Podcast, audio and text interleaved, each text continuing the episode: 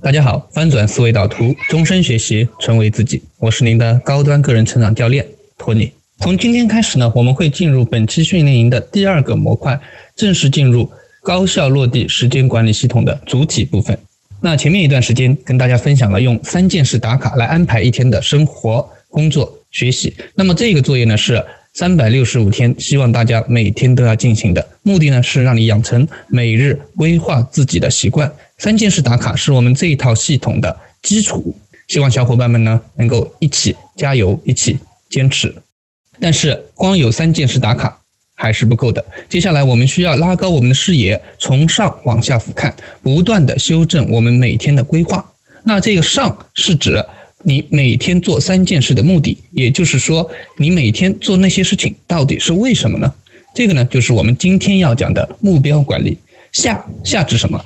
下是指你的这些事落到具体的、可见的行动上面。这个部分呢，是我们稍后几天分享的内容。那我们今天分享的内容呢，有三个部分。第一个，为什么要设定目标？第二个，什么样的目标是一个好的目标？第三个，制定年目标的。超实用工具。好的，我们现在进入第一个模块。为什么要制定目标？有的人或许会觉得很奇怪啊，为什么时间管理要设定目标呢？你直接告诉我怎么做，怎么样变得高效，不就可以了吗？那其实我之前也认为，时间管理就是让自己做的事情快一点而已。但是，当我走了很多弯路之后，我听了很多老师的课程啊，做了很多很多的践行之后，我才真正体验到，没有目标，你即使再努力，也只是看起来很勤奋。在此呢，先给大家讲一个小故事。话说，在一九五二年七月四号的清晨，加利福尼亚海岸呢下起了浓雾，在海岸以西二十一英里的。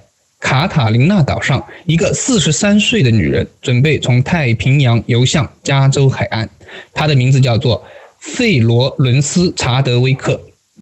但是那天早晨雾很大，海水呢冻得她浑身的发麻，他几乎看不到护送他的船。时间一个小时一个小时的过去，千千万万的人在电视上看着，有几次呢，甚至有鲨鱼靠近他，但还好啊，都被人开枪给吓跑了。过了十五个小时。他又累又冻，他知道自己游不动了，于是呢就叫人拉他上船。可当时他的母亲和教练在另外一条船上，他们都告诉他：“哎，你离海岸线已经很近了，叫他不要放弃。”但是他朝那个加州海岸望去，除了浓雾，什么都看不见。而事实是，人们拉他上船的地点其实离加州海岸只有半英里。后来接受采访时，他就说。令他半途而废的不是疲劳，也不是寒冷，而是因为他在浓雾中看不到目标。听完这个故事之后，不知道大家有什么想法？我觉得这个故事呢，和我们讲了一个道理：做事情一定要有目标，让目标给我们导航，而且这个目标最好是能够看得见、够得着的。有目标，你才愿意投入一切达成目标，这是目标的第一个作用。那目标另外一个作用就是帮助你挑战自我。其实我们绝大部分的人血液里还留着挑战的基因。当你的目标制定恰当时，就会激发出人的潜能，就会让自己专注，而且让自己有斗志。所有的行动都会围绕一个点，这个你真正想要做的事情。此时你想做的事情才会有实质性的进展。大家可以看一下，我们周围有很多的成长的学习者，每天去学习各种各样的内容。那这个过程，说实话，并不是那么愉快的。但是为什么呢？因为我们很多人就是对自己的不甘，我们不甘于现在的自己，所以我们要挑战自我，让自己更好，朝一个更好的方向挺进。那你是不是这样呢？那如果你也是这样，那你也需要目标。那我们到底该定什么样的目标呢？这个呢，就进入到我们的第二个模块。这里呢，我给大家一些参考。你的目标应该是符合以下四个特点：由衷的、生动的、必要的、困难的。我们先来说一下第一部分，设定由衷的目标。那这个呢，分为两部分，一个是内在动机的部分，一个是外在动机的部分。内在动机的部分很好理解，做自己喜欢的事情，你就会更有动力去实现去做，对吗？比如，我想做一个个人成长的自由培训师，终身学习，成为自己，并且帮助别人成为自己，这是我的价值观，也是我的梦想，这是让我怦然心动的事情。所以呢，靠着这句话，它让我挺过了很多次低潮。那外部动机的部分，什么叫外部动机？外部动机就是寻找一切可以让你实现目标的有动力的东西。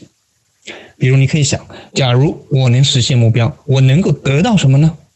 啊，那就像我自己的目标，我要做个人成长自由培训师，对吧？如果我达成了，那我就能养活我自己，我就能得到一种不受空间、时间、金钱约束的生活方式，我还能更好的引导孩子的成长，还能增强亲密关系，对吧？还能帮助我所认识的朋友。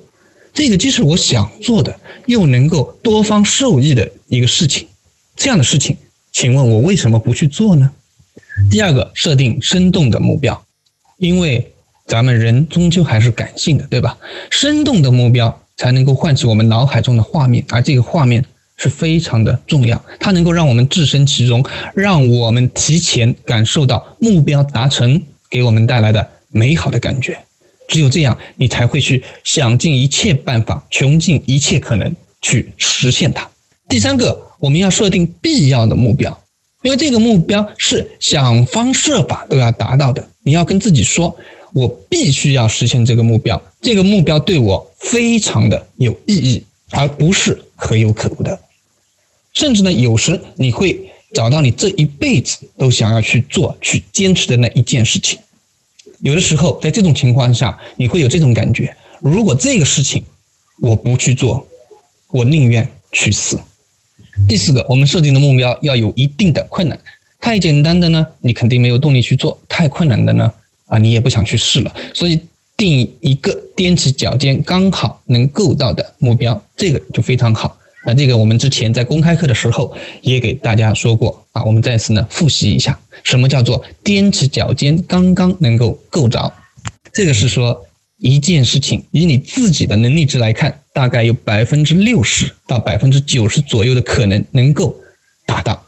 那这件事情呢，既不是在你的舒适区啊，非常的让你厌倦，也不是在你的恐慌区让你焦虑而不敢尝试。这样的事情叫做踮起脚尖，刚好能够着。好的，那我们刚才说了定什么样的目标，对吧？生动的、由衷的、必要的、困难的。那我们有没有什么工具可以用呢？放心啊，我这么贴心呢，怎么可能不给你准备呢？对不对？这个呢，就顺滑的进入到我们第三个模块，我们该如何寻找目标？首先，我们在定目标的时候，一般而言是定年目标。很多时间管理的经典书籍都会让你制定五年的目标啊，十年的目标。可是，在这样高速发展的社会，定五年、十年的目标是不是太遥远了？因为我相信，在他们这些书籍出版的时候，社会发展并没有像我们现在这么快。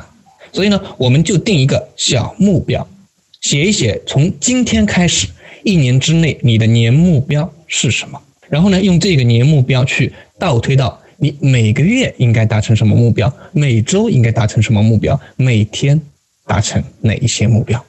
那这个事情呢，听起来简单，做起来有点难。本课程由爱学习免费分享，微信幺零七零三七七九，微信幺零七零三七七九，海量网课等你哦。如果你第一次认真的考虑自己的年目标，不妨试一下我给大家总结的这个小小的模型啊，叫做。能做、想做、有需求模型，这个模型呢，经过我们翻转思维导图几十位年会员一对一的贴身的交流过程当中啊，我们发现这个模型是能够切实的帮你找到你的年目标。所以呢，希望大家这边呢也可以去用这个模型去尝试找到你自己的年目标。大家可以想一下，很多人我们一谈到说我们的年目标是什么，或者具体一点，我们应该做什么样的事情？他就会蒙圈了。那这个时候，我们想一想，假设一件事情是你极度渴望想做的，是你心心念念的，是你怦然心动的，而且这件事情又在你的能力范围之内，你可以做，而且这件事情市场有需求。什么叫市场有需求？要么给你带来名，要么给你带来利，对吧？要么给你带来精神上的满足。那么这样的事情，难道你不应该去做吗？难道不应该是你一年当中最重要的一个事情、一个方向吗？一个目标吗？好的，那如果你也认同这个想法，我们来讲一下这个模型具体我们在做的时候怎么做。步骤来说很简单，我们分三步。第一个呢，想做的部分，我们拿一张白纸啊，用零秒思考的方法写下你所有想做的事情。那我这边有一个小小的要求，至少要写十件以上。那注意写的时候，你考虑的唯一的一个事情就是这个事情我到底想做还是不想做。只要是你想做的，都写下来，完全不要考虑这件事情我能不能做到啊，或者值不值得做，没关系，只要是你想做的都 OK。甚至你就想说我现在就想上天做个宇航员也 OK。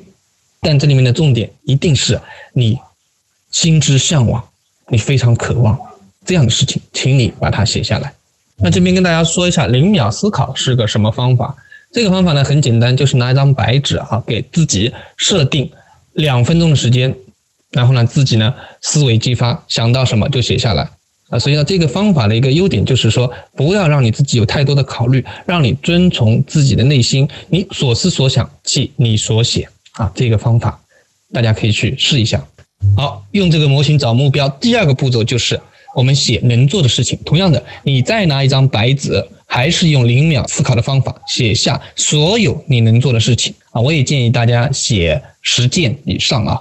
这个时候呢，跟刚才相反，这个时候你不要管你写的这个事情你到底有兴趣还是没兴趣，你只要写下来你能做什么事情，你具备什么能力就 OK 了。那么到了这个环节啊，根据我们以往的经验，很多很多的人会在这边卡住，会写不出来。因为他们会觉得，哎呀，我好像很普通啊，我没有什么特别的能力啊。很多人会这样啊。如果到时候你在做这个践行的时候，你也这样，你完全不要自责。包括我们，呃，平时看到很多看起来蛮成功的小伙伴，社会地位比较高啊，或者他有很多成就，依然百分之九十以上的人会在这个地方卡住。那在这个环节的时候呢，你可以拍脑袋想。啊，拍脑袋想，就是说你随便想啊，你哪方面比一般的人强一点啊？比如说你是不是写作的能力比别人强啊？你是不是跟人沟通的能力比别人强啊？你是不是策划呃活动啊聚会的能力比别人强啊？等等等等啊，只要你比别人强一点的地方，你都写下来。那所谓的竞争力是什么？所谓的竞争力一定是要有对比，有对比才有伤害嘛，对吧？所以说我们要写的能力值是你的差异化的能力，你会的。别人不会的，你强的，别人弱的方面。所以呢，咱们好好的逼着自己想一想啊，我到底有什么地方是我比别人擅长的？逼着自己至少写十个以上。那这是第一种写能做的方法。那第二种呢？如果你有记日记的习惯，那么你可以从你以往的日记当中去寻找那些让你成就满满的事情啊，把它们也放在这个能做的这张清单上面。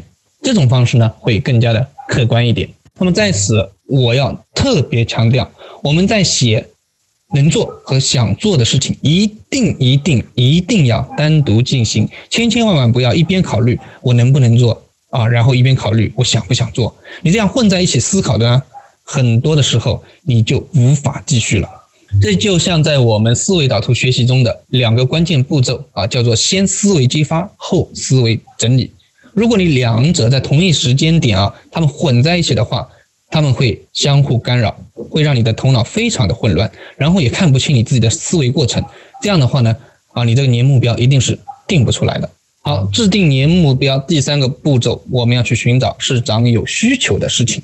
经过刚才的第一步和第二步，我相信已经有不少小伙伴能想到你。既想做又能做的事情，对吧？那么这个时候呢，你可以再拿出一张白纸，然后把你既能做又想做的事情，按照市场的需求度去做一个排序，把市场最有需求的事情作为你的年目标方向。那么这个时候呢，又有一个新的问题出现了：我怎么知道我定的这个事情市场有没有需求呢？我觉得呢，这是一个系统思考后的决策。那么在此之前，你必须要做一个动作，你需要。大量的收集资讯，那收集资讯，我给大家提供一个非常通用的啊参考的模型，叫做人、书、网啊。你只要往这三个方面去找你就能找到很多的资讯。首先，我们来说一下人。当你圈定了一个大致的领域，这个时候呢，你一定要去和这些领域当中你所能接触到的实战型的牛人沟通。注意，是实战型的牛人。这会让你节省大量的试错的时间，这个价值不可估量。因为你所想到的，你觉得无法解决的问题，百分之九十一定已经被人解决了。所以我认为，必要时你即使高付费，你也要去做这个事情。当然，如果你的圈子当中本来就有这么一位专家，你能够直接获取他的经验和建议啊，那我只能说你的运气啊实在是太好了。第二个书，如果呢你实在没有办法接触到这些实战型的牛人。那么看他们写的书、写的文章也是一种不错的选择。比如说，新精英的古典老师，他有一本书叫《跃迁》，我觉得非常值得一看。它能让你了解这个时代发展的大致方向，以及他早期的几部作品啊，比如说《拆掉思维的墙》啊，《你的生命有什么可能》啊，这几本书呢，对于个人成长初入的这些小伙伴，你刚刚开始做的个人成长是非常有帮助的。我推荐大家呢，啊，有空的时候可以去看一下，应该会有所启发。第三个途径，网，网的话呢，就是网上去寻找一些权威的行业报告，还有一些描述时代趋势的资料。那这个途径呢就非常多了，知乎啊，然后各个行业的论坛啊，较权威的公号啊等等，都可以去寻找到这些资料。那么经过以上三个方向去搜集资讯之后呢，啊，接下来你就要去对这些资讯进行整理梳理，最后呢形成你自己最终的选择。决策，那么这里注意，所有所有的参考，不管是啊大牛给你的建议，还是书上看到的资讯，还是网络上找到的讯息，最终的决策都是要你自己去做的。当你做了上面这些准备之后呢，你可以告诉自己，我已经在我能力范围内尽了最大的努力，所以我相信。我自己内心的声音，我相信我自己现在能够做出最适合自己的选择，并且我愿意为之负责。好的，那寻找自己的年目标方向这个事情呢是非常困难，但是非常值得你去花时间跟精力去做的一件事情。我希望大家呢都能找到各自的年目标的发展方向。简单小结一下今天的内容。我们今天有讲了三个部分的内容。第一个，有一个好目标，你才愿意投入一切去达成目标，才会激励自己挑战自我。第二个，我们说设定的目标应该符合四个特点，它们分别是由衷的、生动的、必要的、困难的。第三个，我们给大家介绍了一个模型，叫做能做想做，市场有需求。通过这个模型呢，去寻找到我们的年目标，而且我们这个年目标希望是唯一的一个目标。那今天的践行作业呢，就是希望大家去通过我们能做想做有需求模型，去寻找到你自己唯一的年目标。具体来说，你可以分三步：先拿一张纸写出十件以上你想做的事，再拿一张纸写出十件以上你能做的事情，最后呢，拿一张纸把能做和想做的事情按照市场的需求度做一个排序。那么排在第一名的就是你唯一的年目标发展的方向。发到群里面跟大家交流，恭喜你又学会了一项新的技能，翻转思维导图，终身学习，成为自己。我们下期再见。本课程由爱学习免费分享，微信幺零七零三七七九，微信幺零七零三七七九，海量网课等你哦。